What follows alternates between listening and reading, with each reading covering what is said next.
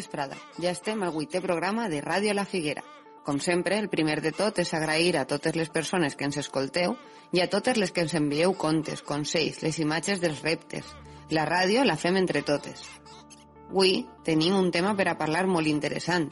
Mentre totes estàvem a casa, la natura ha continuat el seu camí. I no sols això, sinó que sense els molestos humans ha estat molt més a gust que mai. Què ha passat amb l'emergència climàtica en temps de coronavirus?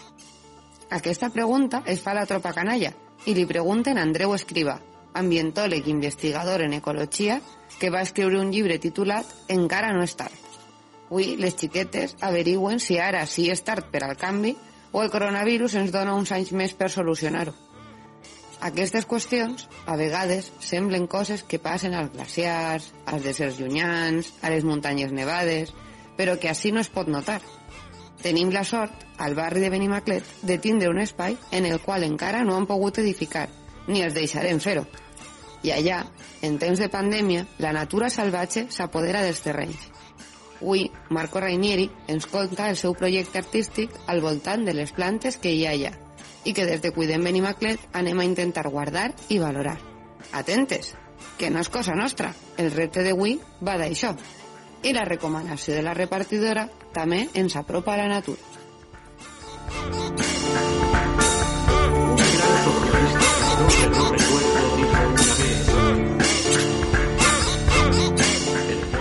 El que segur està molt salvatge és la nostra caseta a Escuela Meme. Encara no hem pogut anar cap allà, però ja falta no res perquè anem a preparar l'espai. Com estarà la nostra figuera? Tindrà fulletes? Anirem amb molta il·lusió a veure el tipi, l'hortet, la cuina, la biblioteca, per a deixar-ho perfecte per a la no escola d'estiu. Anem a passar l'estiu sota la figuera. Ja són moltes famílies les que han decidit acompanyar-nos. Si encara no saps què anem a fer o vols inscriure't, pots trobar tota la informació a la web lafiguerabenimaclet.org a la pestanya Estiu 2020. Ja no queda res. El que segur es passa a veure la figuera quan obrim les portes és Simó i la seva família. Ja vaig reservant el pa per al millor berenador que tenim. Avui ens connectem en directe amb elles i ens conten que ja tenen un col·lectiu artístic increïble. També avui escoltem un consell de part de Gerard que no us creureu com no ho hem pensat abans. Tenim també avui uns pirates. En un ratet, Ovidi i Lluc ens conten un conte que han viscut. No es lliureu dels minuts punquis aquesta setmana tampoc i aconseguirem uns bafles per a poder ballar pronte juntes. Comencem.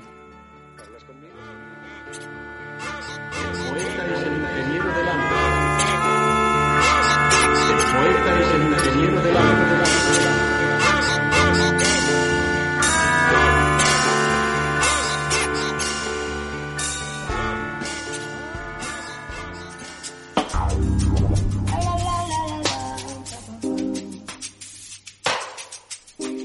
Per a l'entrevista d'avui hem parlat amb Andreu Escriba, ambientòleg i investigador en ecologia.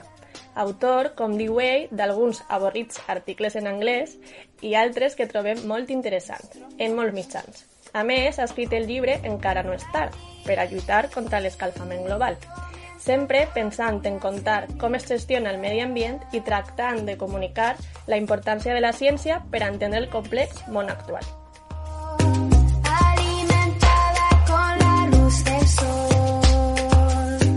Hola, Andreu. Hola, bon dia. Què tal? Molt bé, així passant el confinament. Ai. Estem. Ahí estem. bueno, però no res, moltes gràcies en compartir el teu temps amb la Figuera. Eh, estem molt contentes de poder parlar amb tu. No, gràcies a vosaltres per, per, bueno, per la finestreta i, i per tractar estos, te estos temes i portar un projecte tan, tan xulo. Moltes gràcies.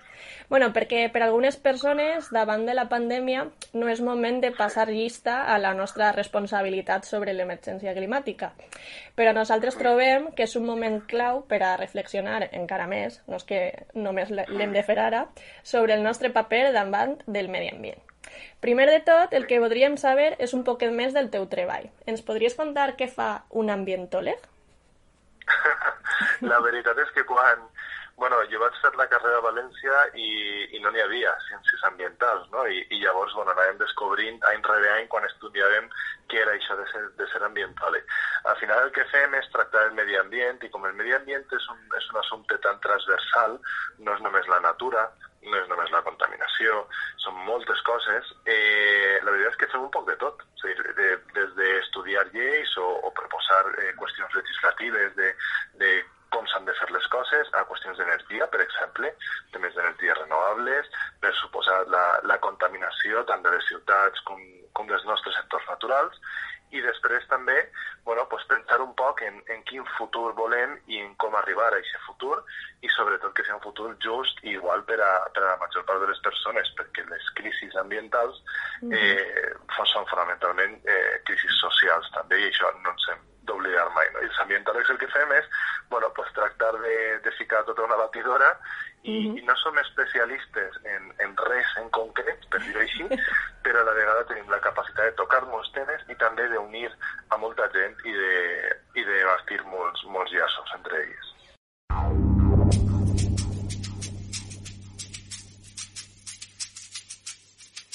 Hola, la meva pregunta és, amb el, amb el confinament ha baixat el, la contaminació? Què hem fet perquè baixara? Pues eh, la resposta sí, la primera resposta és, és que ha baixat la contaminació, s'ha pogut mesurar, de fet s'estan mesurant baixades de, del 50, 60, fins i tot 80% en algunes ciutats de la contaminació, eh, sobretot aquella que té que veure amb, amb els pulmons, no? és a dir, els, el que són partícules amb nitrogen, amb sofre, partícules molt xicotetes, que el que fan és afectar directament a la nostra salut i, i clar, la relació més directa ha sigut amb el trànsit. És a dir, hem deixat d'anar en cotxe, hem deixat de transportar moltes coses dins de les ciutats també en, en camions i fonamentalment el que ha passat és que l'aire de les ciutats ha resultat que estava més net. De les ciutats també de la qüestió marítima, és a dir, tenim, eh, tenim moltes imatges no? de, de dofins o de, o de peixos molt proper de, molt proper d'esports, mm. perquè no només n'hi ha contaminació, diríem, de, de brutícia o contaminació química, sinó que també n'hi ha contaminació acústica, perquè n'hi ha molts, molts cetacis, per exemple, que els afecta molt, no? La, eh, els dofins, les balenes, etc els afecta molt el, el soroll que fan els vaixells. Llavors el que hem fet ha sigut parar i parar sobretot tot allò que causa contaminació. I el que hem vist és com, si parem determinades coses, el medi ambient urbà, perquè el medi ambient no és només la, la natura que està allà i els boscos, etc, sinó també el carrer i els parcs de, de les nostres ciutats, amb aquest medi ambient ha, ha millorat, ha millorat amb ell també la nostra salut, perquè sí. la gent ara pot respirar millor, des de veres que anem tots amb mascareta, no? Podem deixar de fer certes coses, però la qualitat de l'aire és molt millor. Llavors el que hem vist és que sí que hi ha una relació molt clara entre cotxes, particularment, i la qualitat d'aire de les ciutats, i que, per tant, pues, bueno, hem d'aprendre de- d'això. Hola, Andreu. Què contamina més, el fum de les fàbriques o el dels cotxes? Ai, és una, és una bona pregunta. Eh, pues responc amb que què ens afecta més a nosaltres?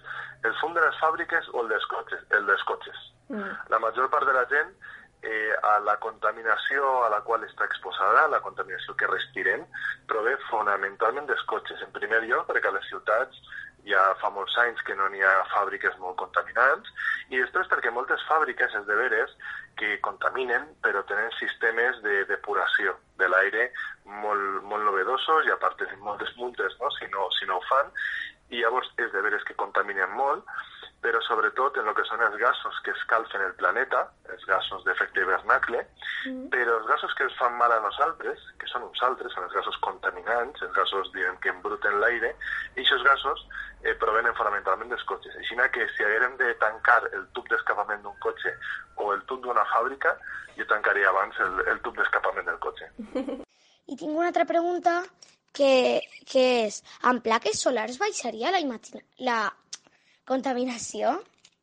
Bueno, mm, sí, sempre que farem allò correcte amb l'energia d'aquestes plaques solars, no? Hi ha moltes vegades que no és tan important l'energia o d'on la traiem, sinó què fem amb ella. Eh, n'hi havia una persona que ho ficava d'esta forma. Bueno, imagineu-vos que tenim motosserres elèctriques i continuem deforestant l'Amazones Clar. Ahí dona igual, ¿no? Que siga elèctrica la motosserra o que l'energia provinga d'una placa solar. Lo important és el que fem amb elles.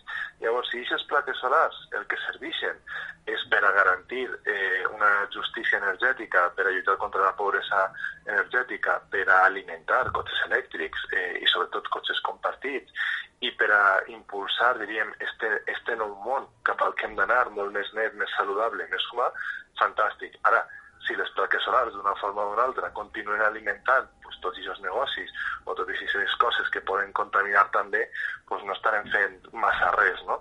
Mm. Eh, eh, són positives, però això sempre, i hem d'anar cap a les energies renovables, però compte perquè també, a banda de ser positives per si mateixa, les hem d'utilitzar bé.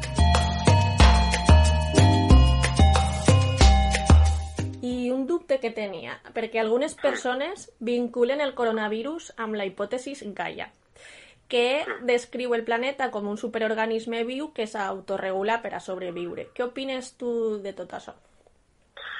Bueno, crec que és, crec que és una forma interessant de, de posar-ho, de visualitzar-ho, que pot ajudar a conscienciar-nos i a sensibilitzar-nos. Crec que no, no té, diríem, una, una base, per dir així, plenament causal o científica, és a dir, no, no provoquem, per dir així, el, el coronavirus, eh, el planeta no s'està defensant, però sí que d'alguna forma, si a la gent li ajuda a veure, a mi això és la part que me pareix molt important, mm. si a la gent li ajuda a veure que tots els desequilibris ecològics estan causant tota la destrucció de la natura i especialment també la globalització, perquè estem parlant molt de com, eh, de com destrossem la natura, però també de parlar de, de com comerciem, no? de, de, de que portem menjar i portem béns i de, de, de l'altra part del món, de, del turisme i de tants altres processos que van més enllà de la pura destrucció de la natura, que el que fan és connectar el món és, a dir, ahí sí que és de veres que el món funciona quasi com una, com una unitat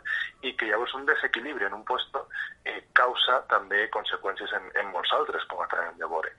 I, i en aquest sentit, bueno, crec que tots ens haurem de conscienciar de que hem de, hem de respectar molt més la natura en, en aquells llocs en els quals és capaç de produir aquestes pandèmies, perquè sembla que ha sigut un virus que ha vingut des dels animals salvatges. Mm. Crec que s'han de repensar molt eh, l'ús que se fa d'alguns animals salvatges en, en determinats països asiàtics, ja sabeu que es gasten per a menjar en molts casos en la Xina, etc. I després, bueno, que, que també que la natura sempre serà eh, una primera línia de defensa front a aquesta pandèmia, front a les que puguen vindre i particularment front a tot allò que, que mina la nostra salut. És a dir, defensar la natura és defensar la nostra salut. Jo crec que ara ho estem veient i ho veurem segurament moltes més vegades.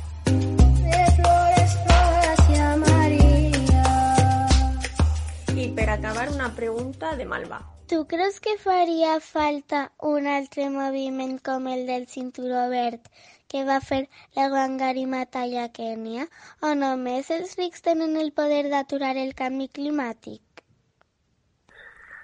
Crec que és, és una molt bona és una molt bona comparació. El moviment del cinturó verd és, és des de llavors una, és una fita del moviment ambiental de, de les últimes dècades i, i crec que sí que som capaços, el que, el que faria falta, crec jo, és que entre tots ens unirem i foren capaços de canviar determinades coses perquè això ens animaria a seguir canviant. El que passa ara és que moltes vegades ens està veient contra la impossibilitat de canviar certes coses, contra poders econòmics, contra estructures que ja estan ahí i que no sabem com moure, i ens desanimem. I jo crec que, que si començant també el, amb moviments ambientalistes eh, a peu del territori i després lligant-ho tot amb aquesta lluita per la justícia climàtica que han eh, exemplificat els Fridays for Future i tots aquests moviments juvenils, mm. crec que hem de ser en primer lloc capaços d'imaginar un món nou i després també capaços de creure'ns a nosaltres mateixos que podem arribar a aquest món, que podem transformar la realitat i que podem construir aquest futur que tenim en el cap, no? perquè massa vegades, eh, i és normal, no? però és com que sentim la derrota i pensem que no s'ho poden canviar els rics, els poderosos, i és de veres que ells tenen mm. més responsabilitat que nosaltres, però nosaltres tenim més poder. I crec que cal exercir aquest poder tots els dies i sobretot amb visió del futur. Oh, moltes gràcies, Andreu. ha estat molt interessant, jo he après molt i, i res, esperem que sí, que, que aquesta experiència ens sirva per a, per a creure-nos, no? capaços de juntar-nos, de fer força i de lluitar juntes. Esperem que sí, esperem que sí, segur que sí. Bueno, pues una, una abraçada i moltes gràcies estar Una abraçada, gràcies a vosaltres. Adéu.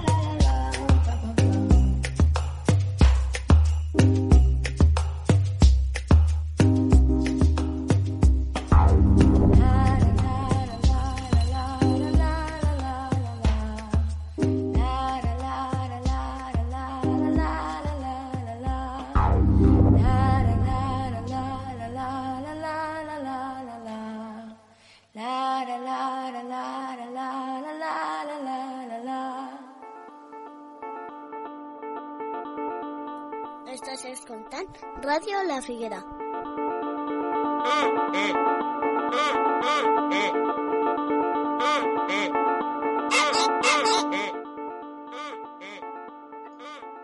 Avui, que parlem del canvi climàtic i que arriba l'estiu ja quasi, encara que avui plou, no podíem posar una altra cançó que no fora aquesta. Un clàssic de la gossa sorda que ens parla de que no podem dir que la culpa siga soles nostra. Sempre hi ha qui guanya diners per darrere.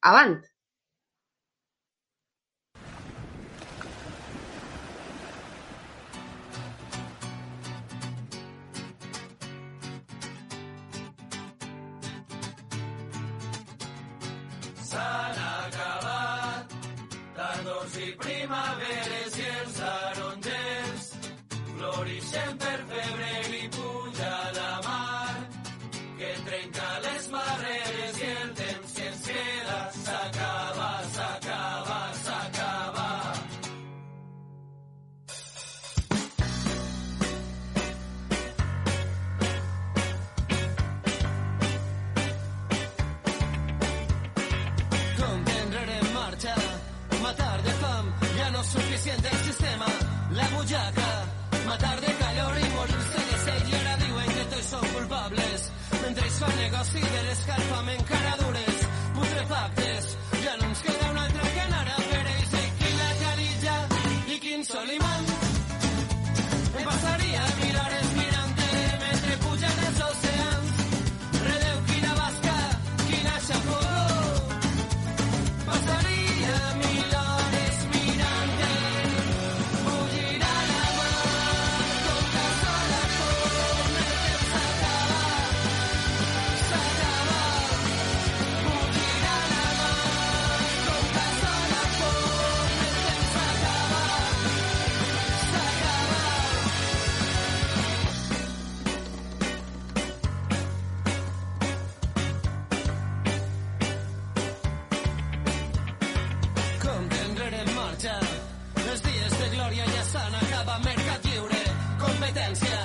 L'American Dream ens està sortint car i ara venen els abuts que faltaven.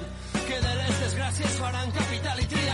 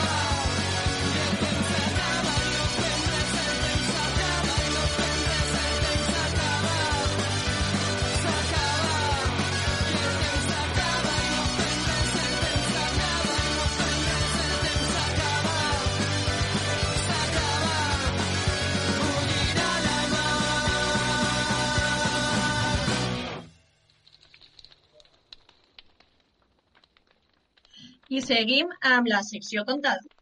Gràcies a totes les persones que ens envieu contes contats. Avui tenim un conte molt especial. Una història de pirates basada en fets reals que han viscut els buscadors de tresors Ovidi i. Per fi podreu escoltar la veu del tercer Figaflor, el que maneja el timó tècnic d'aquest vaixell radiofònic, amb el seu company d'aventures, Ovidi, que trobem tanta falta. Les veles s'inflaran, el vent es portarà, com un cavall desfocat per les ones. Les veles s'inflaran, el vent es portarà, com un cavall desfocat per les ones. El mar serà tot per nosaltres. Els hem d'explicar a la gent de la Figuera de la Ràdio una cosa que ens ha passat que no és un conte, que ens ha passat de veritat. Perquè jo un dia vaig, li vaig explicar a l'Ovidi que aquí on vivim, que no direm on és, perquè la gent no sàpiga on és, vale? que si no això se'ns ompliria de gent que busca tresors. Vaig dir que potser hi havia, que jo havia sentit que aquí hi havia una cova de pirates i vam sortir a buscar-la, oi? Com vam sortir? Quan, es va, quan ens, van, ens van deixar ja sortir de, Sí. del confinament, Bueno, més o menys. Vam anar en bici. Sempre vam anar en bici dues vegades. i la vam trobar. Eh, sí. I què vam fer? Deixar una carta dels pirates en la seva cova, que ja sabíem on és. Però no ho sabíem del tot molt bé si era o no era, no? Ja. Però resulta que sí que era, no? Sí. Perquè com ho vam saber? Perquè van passar uns dies i ens van enviar la carta als pirates. Ens van enviar una carta. I què deia la carta? Deia que els, uns lladres s'hi havien robat una part del tresor i el tresor era pur or, eh? Ens ho van enviar per correu. Per correu? Ai, vull dir, vull dir, per un WhatsApp. Com te- tenen WhatsApp els pirates? Tenen un mòbil més bé. Ah, sí? Un mòbil. O, si no, com I ens enviaven missatges. Sí. I com eren aquests missatges? Tenim una veu de pirata? Sí? A que sí? Sí. El mar és com un desert d'aigua, no té camins ni té senyal. Ens heu d'ajudar. Els lladres del tresor viuen al bosc màgic. No patiu, durant el dia s'amaguen i dormen. No els veureu ni us veuran. Necessitem que aneu al bosc màgic i feu fotos de coses que puguin ser pistes de per on han passat els lladres. Són uns marranos, per allà on passen ho deixen tot brut. Ah, i fixeu-vos bé si veieu alguna cosa que pugui ser part del tresor. Ja sabeu, ens agraden les coses velles però boniques i brillants.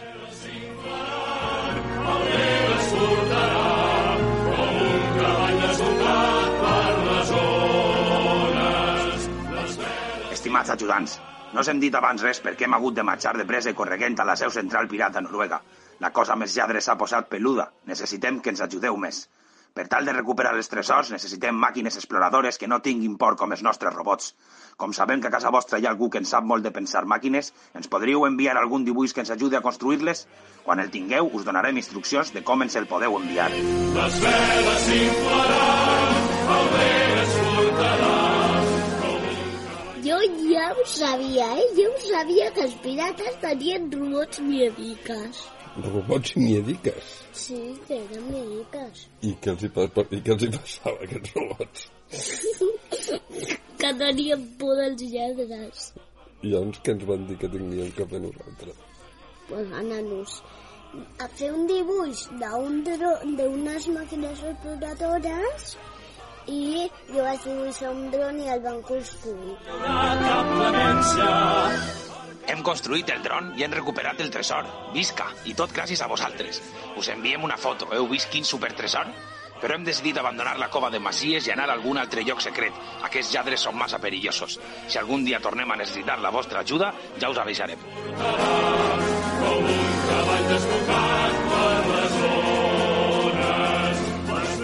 I se n'ha anat a una... a una altra ciutat llunyana, una altra cova perquè els lladres eren molt perillosos i a més que trobaven quasi tots els llocs. Un dia se'n van anar a la, al centre comercial pirata. El centre comercial. Al centre comercial. Com era allò?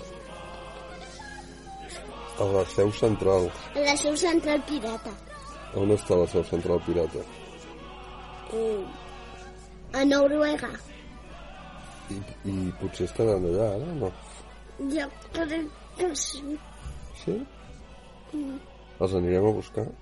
No, enviarem una carta de protest, de protesta i ja està. De protesta per què? Perquè ens havien dit que si trobaven el tresor els recompensarien i no ens han re... quasi recompensat. Quasi? Vol dir que una mica sí? No ens han recompensat res. Res, jo també ho penso. El mar és com un desert d'aigua, no té camins ni té senyals. I ara què? Bueno, no sé, acabem. Com acabem? Acabem en que havien trobat el tresor. Vivim arrelats en el vent, és el mar la nostra terra ferma, on vivim arrelats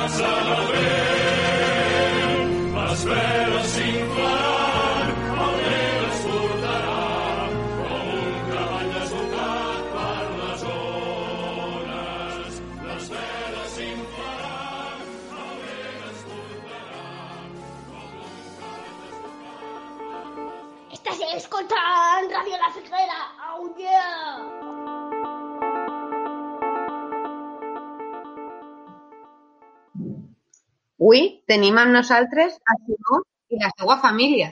Ens han estat enviant tots els reptes que vos proposem. Contes, àudios i avui, per fi, els tenim així amb nosaltres. Hola, què tal esteu? Hola, Hola, molt bé. Hola, quant de temps. I us a massa temps, massa temps. I, i jo tinc molts, molts. Mira, ai, I, i oye, i quanta mermelada no, he- no, hem, no he menjat en aquests dies? No me mengem mermelada des de quan tenim a la figuera. Clar, és, hem d'anar fent, eh, per a tindre existències, per a tornar. bueno, família, com esteu vivint el confitament parlant de mermelada?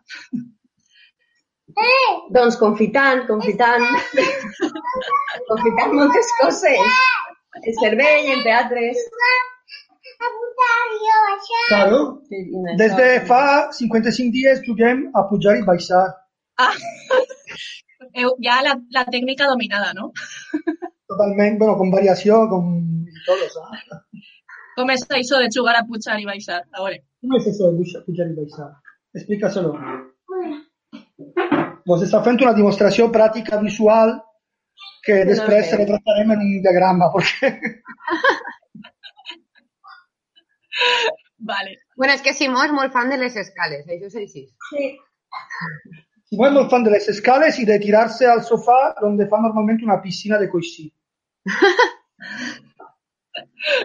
També és divert. Aleshores, ja que ens descriviu això, què diríeu que és el que més vos agrada de la vostra casa? Simó, què més t'agrada de la casa? Saltar.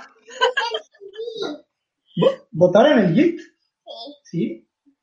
I en qué llit vas a botar tú? En ese, ¿En ese de dalt? sí. Sí, ¿y cómo botes? Blanc. En el teu, en el meu No. Y también el del i en el del pati. Es el dos. I, i però botes molt, molt, molt alt? O molt, molt baixet? Molt alt una vegada. Molt alt una vegada. D'ahir ja no veig. Aleshores, el llit és un lloc que esteu vivint prou, no?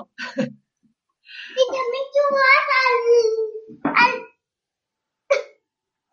¿Ah? a volar como los sononetes. Claro, també juguem a volar com les oronetes.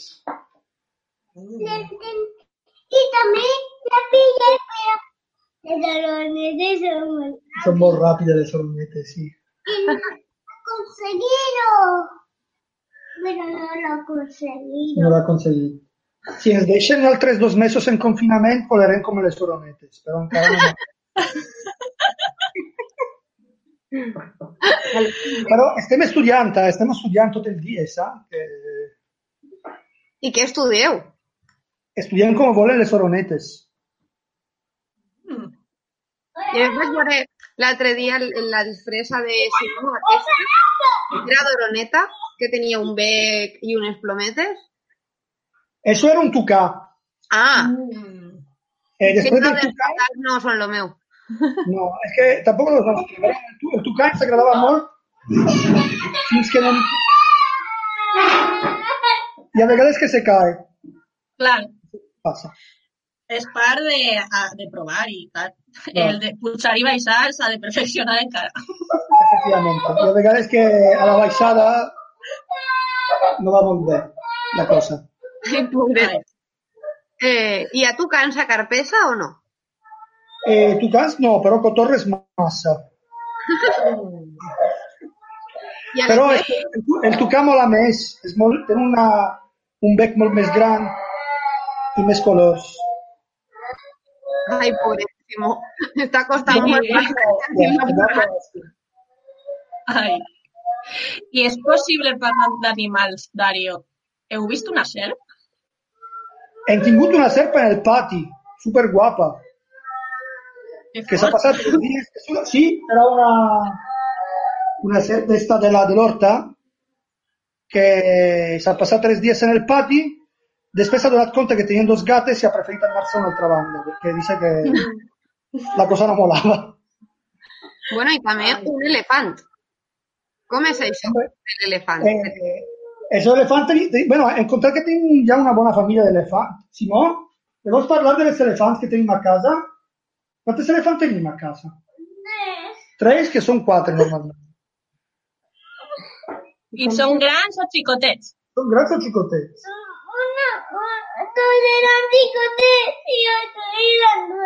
Molt gran, veritat?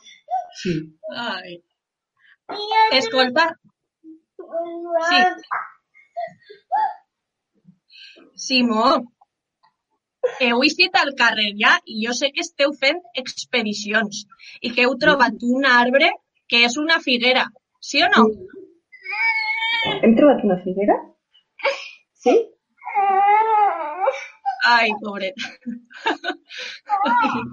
Ah, clar, hem, hem, hem encontrat una figuera, hem encontrat una figuera que abans era un elefant, però també una altra figuera que abans era un rinoceronte. Ah, Estem fent un, uh, un censo de les figueres de, de la zona, dins del nostre perímetre d'un quilòmetre, Pero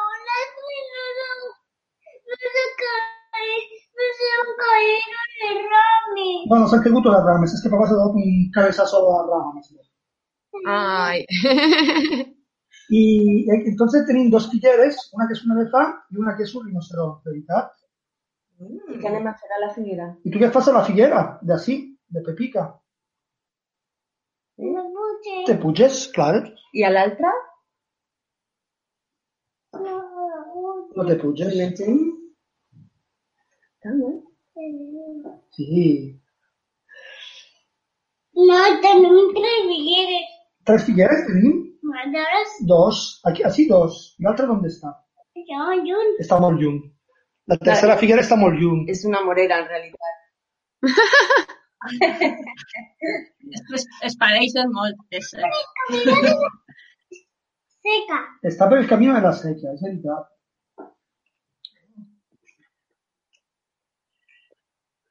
Efectivament.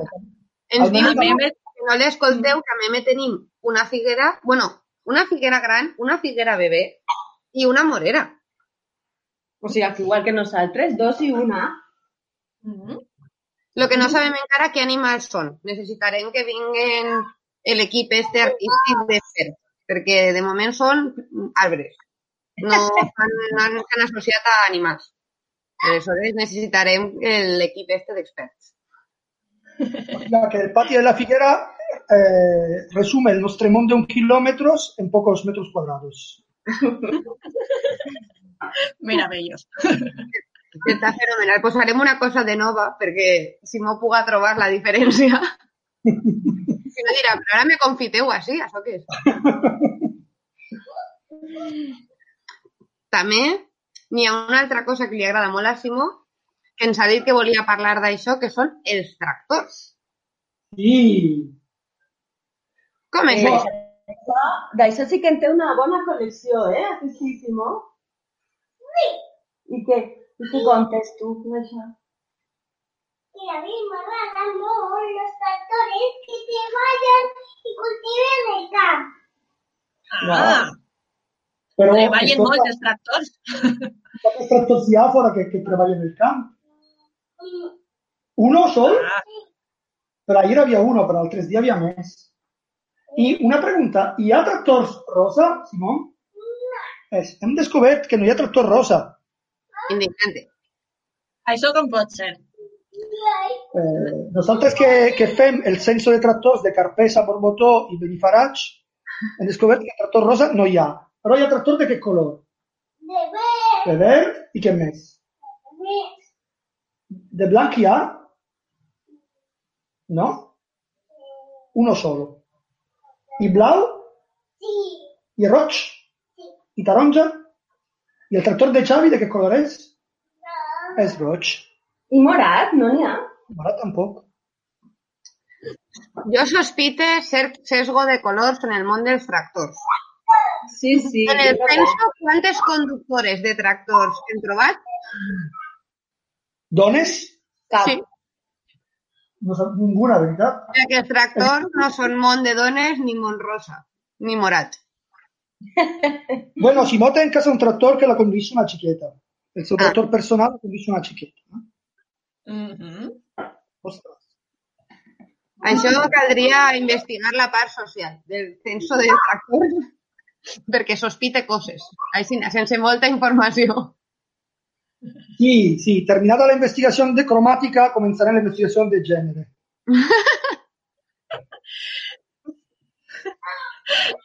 Bueno, esperem que no, ha, no, ni, no siga una, una investigació a soles i que ja puguem fer-la fer juntes i que puguem ajudar-vos a fer-la.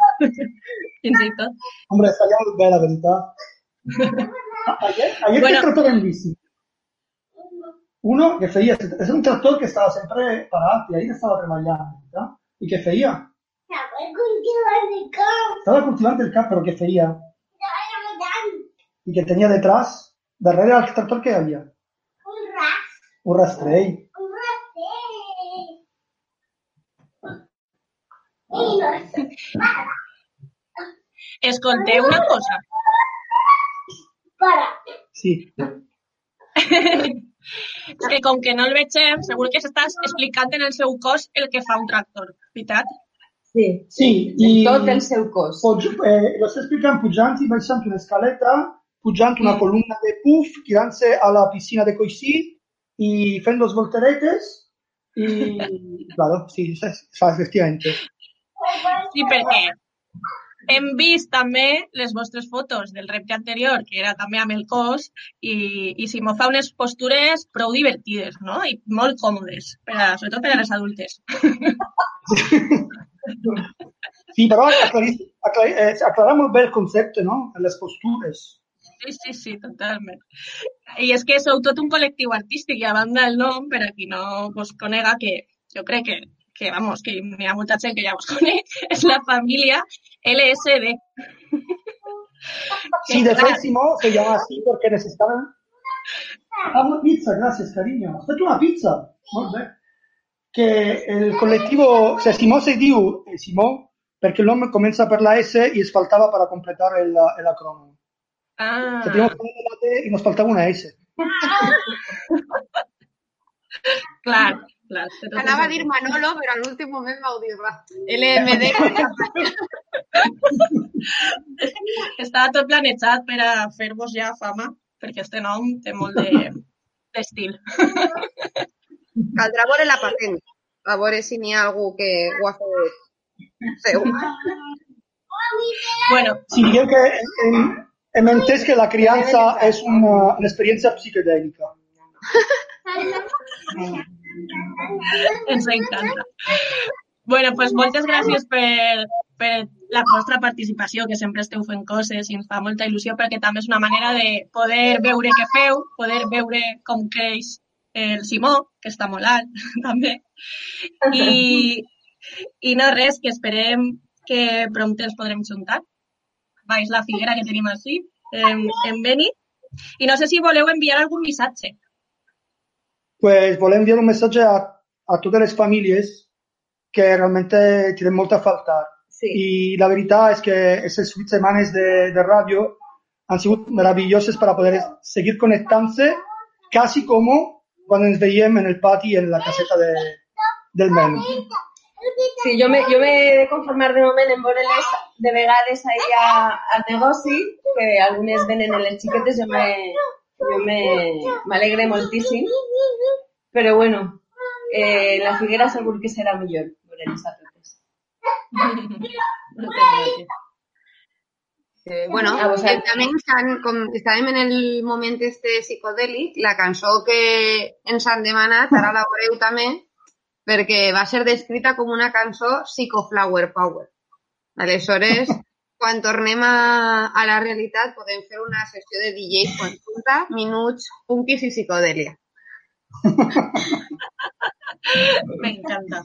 Guateque està ja preparat, quasi, quasi. El guateque el tenim ahí. Eh, molt bé, doncs voleu dir-nos per què heu triat aquesta cançó? Que ens posem ara? Mm, Doncs Simó, diguem que tenia des de quan era més xicotet dos cançons preferides. Una era esta i l'altra era el Jungle Boogie fet per el Muppet. Eh, però últimament l'ha donat més per, per la vertente Psychoflower que no per la vertente funky. O sea, va canviar. Jo estic intentant que se acostume més al rotllo Beastie Boys, però de moment no, no consigo.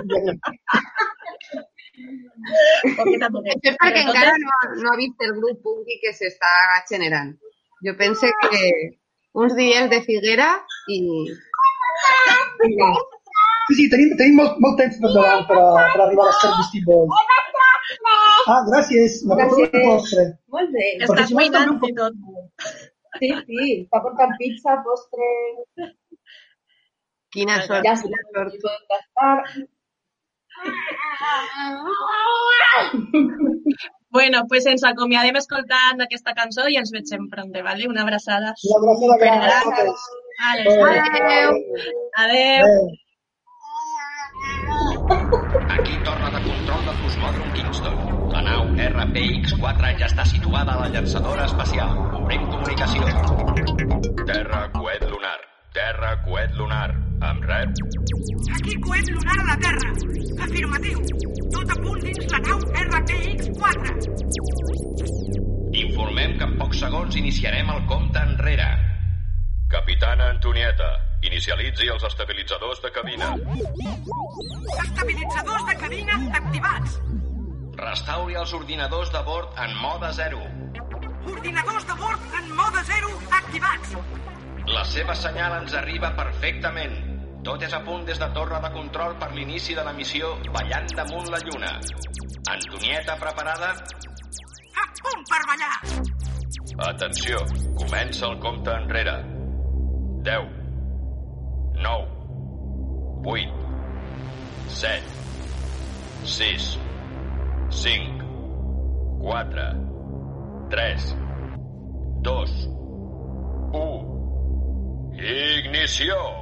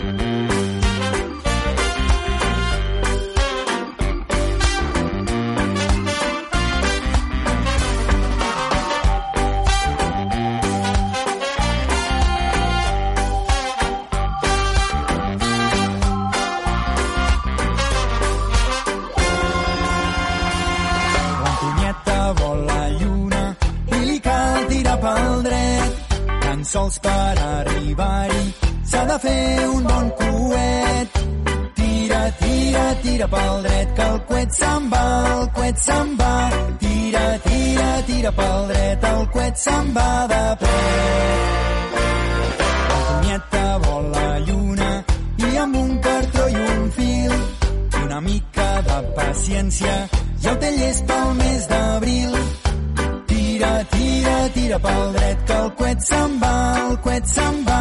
Tira, tira, tira pel dret, el coet se'n va de pet.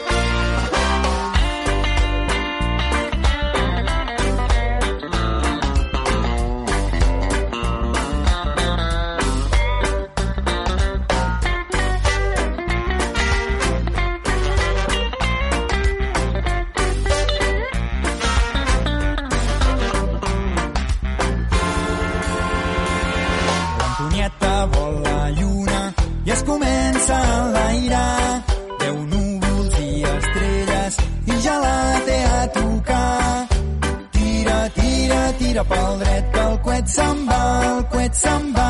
Tira, tira, tira pel dret, el coet se'n va de pet. L'Antonieta ha vist la lluna i amb l'andròmina que ha fet ja prepara un nou viatge vol veure tot l'univers tira, tira, tira pel dret el coet se'n va, el coet se'n va tira, tira, tira pel dret el coet se'n va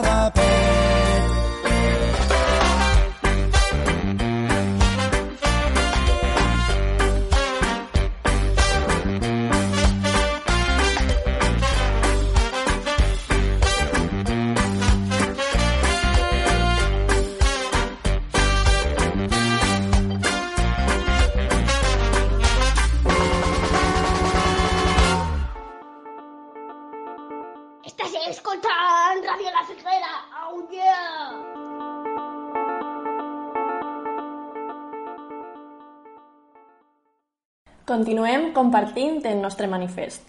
Avui anem a per el penúltim punt. Som diverses i som polítiques. Som essencialment feministes.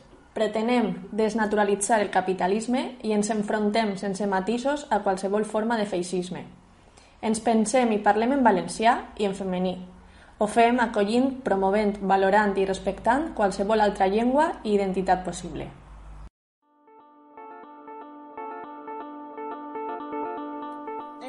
Escoltant Ràdio La Figuera.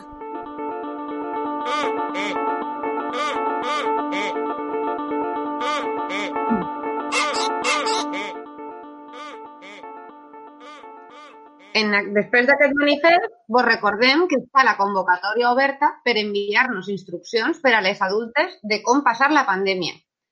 Ja dèiem que era precís escoltar els seus consells, que ja estava bé de consells de les adultes, però és que avui Gerard demostra la simplicitat de les coses. Ara veureu.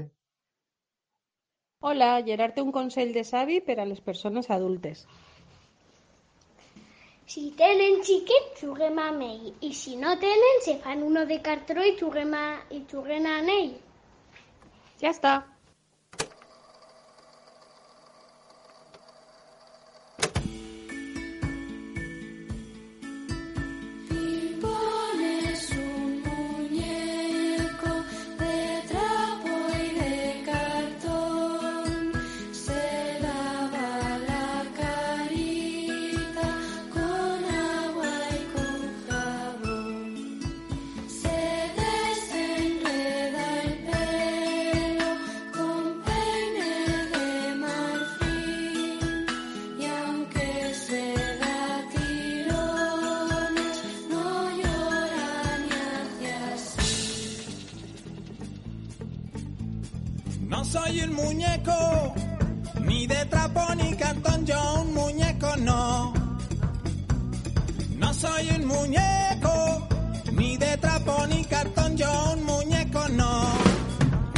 Aunque me lavo la carita con agua y con jabón, si me desenredo el pelo y me tira mogollón.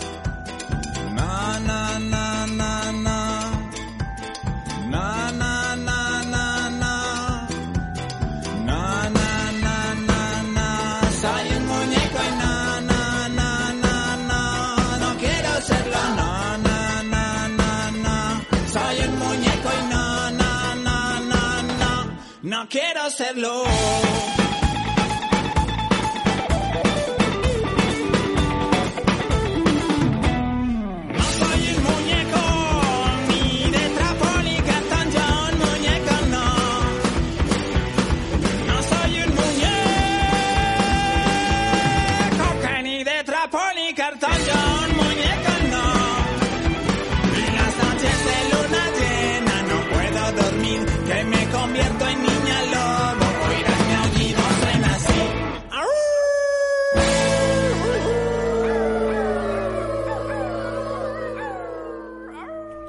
Continuem amb el repte setmanal.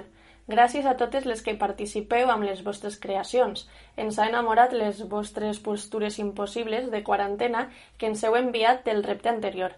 En aquesta ocasió tenim una proposta molt singular, però no us la contaré jo. Us l'explica el nostre company estimat Marco Ranieri, que està fent un projecte molt interessant i, sobretot, salvatge. Hola, soy Marco, soy artista plástico y trabajo en el campo del arte y ecología. Gracias por invitarme a Radio La Figuera y el reto que vamos a proponeros tiene que ver con un proyecto artístico participativo que estoy desarrollando. Os cuento brevemente el proyecto. El proyecto se llama Orbario Urbano. Nace con la intención de contribuir a cambiar la percepción de la vegetación espontánea en el imaginario colectivo porque en las ciudades que habitamos los solares abandonados o en desusos funcionan como hotspots o puntos calientes de biodiversidad y las calles y los espacios que los comunican sirven como corredor ecológico para todas aquellas plantas que brotan en los montones de tierra acumulados en los rincones, en las grietas, en las fisuras, en cualquier lugar que encuentren mínimamente favorable para la vida. El Herbario Urbano es un proyecto artístico y ecológico de instalación y de acción que nació hace cinco años para visualizar esta condición, proponiendo a lo largo del tiempo varias intervenciones artísticas en distintos lugares de la ciudad de Valencia, Ciudad Bella, El Cabañal, El Grao, y generando cada vez recorridos botánicos a lo largo de los cuales las personas que participan en las derivas son guiadas en el descubrimiento de la vegetación urbana espontánea.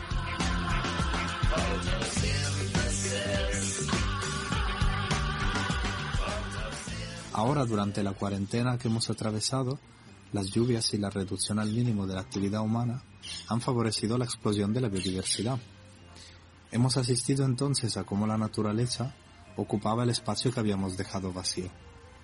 Ahora que podemos salir a pasear, nos encontramos con un paisaje a menudo transformado, lleno de vida.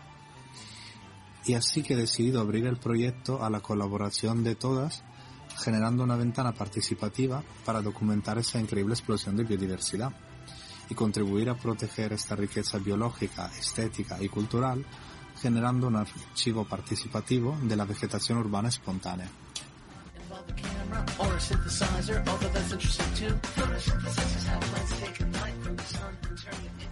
La ventana participativa funciona de esta forma, y este es el reto que os proponemos.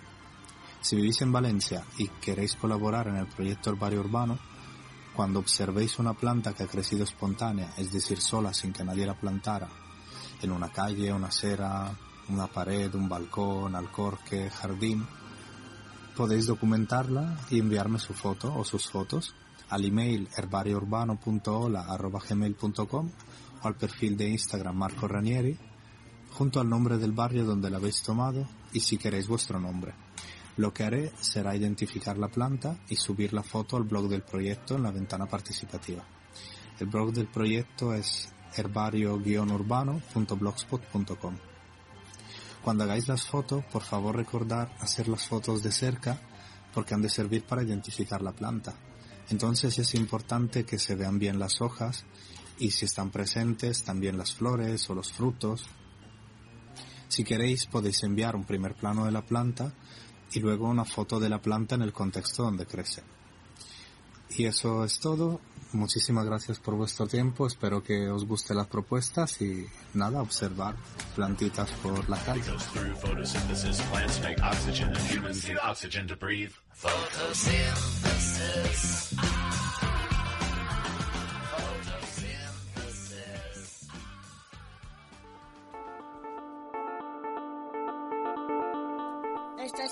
Ràdio La Figuera.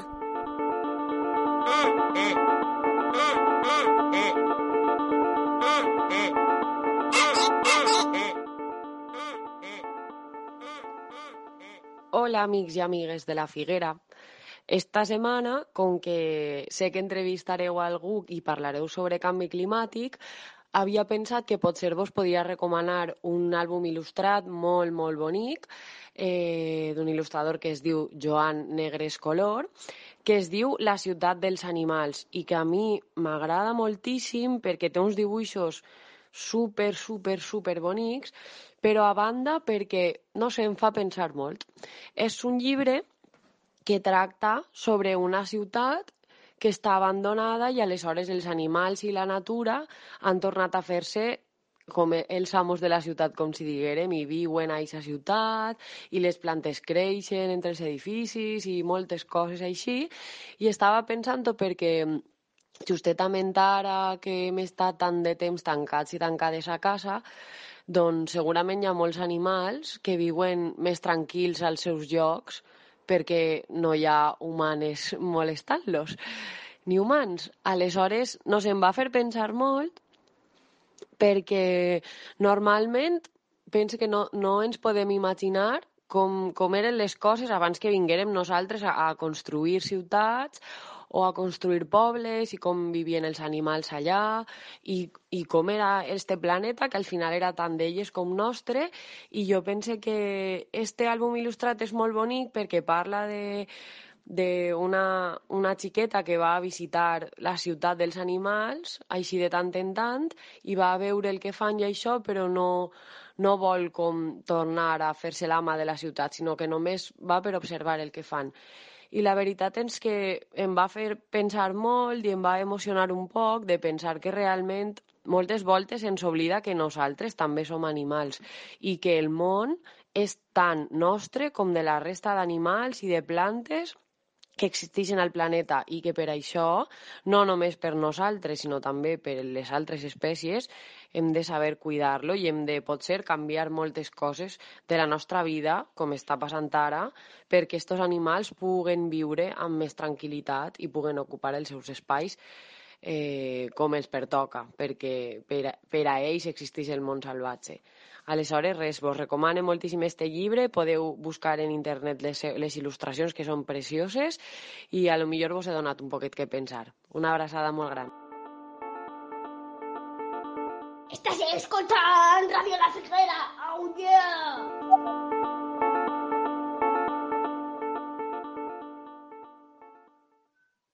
I amb la recomanació de Marc de la llibreria veïna La Repartidora, acabem per avui.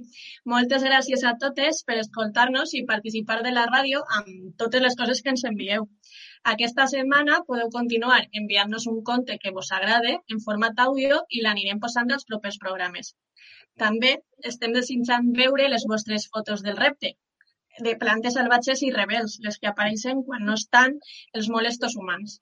Podeu enviar-ho enviar a Marco a herbariourbano.hola.gmail.com o també a la Figuera i anirem pujant a xarxes. També, si encara voleu més formes de participar, està la secció Consell de Sàvies, perquè necessitem ajuda. Dona instruccions a una adulta per a que puga sobreviure a la quarantena. Recordeu, podeu enviar-ho tot per mail a info.lafiguerabenimaclet.org etiquetar-nos a Instagram o Facebook en arroba la Figuera Benimaclet o en el cas de les fotos del repte i en el cas de les famílies sòcies podeu enviar per WhatsApp. Però recordeu, n'hi ha coses que han de ser sorpresa per a demés, no les envieu al grup. I volem acomiadar-nos amb les paraules d'Andreu, que ens diu que no ens desanimem amb la lluita per la justícia climàtica. Quan parlem de medi ambient, no només ens referim als boscos i paratges llunyans i els canvis no estan només en mans de les persones poderoses, sinó que la lluita també ha de ser a la ciutat, als nostres parcs i als carrers. Juntes, pensem que podem forçar a moure estructures, a transformar la realitat i construir el món que tenim al cap. Esperem que tornem pronte les vertades en pa i melmelada, totes juntes a Escuela Meme, la casa de la Figuera, i al nostre barri estimat de Benimaclet, Ui Simó ens ha donat encara més ganes de tornar a veure's. No haguem tallat mai la conversa. Nosaltres ja ens imaginem sota la figuera a la no escola d'estiu que continua amb les reserves obertes i de la que podeu trobar més info a la web lafiguerabenimaclet.org a la pestanya Estiu 2020. Però de moment, i qui sap si no continuarem, ràdio. Cada dijous a les 6 a la web. A la Figuera no n'hi ha confinament que ens ature. Bueno, fins la setmana que ve. Moltes gràcies a totes les que ens acompanyeu i us deixem amb la cançó Salvatge del projecte Soar amb Carles i Sònica. Adéu. Iu-pa-pa.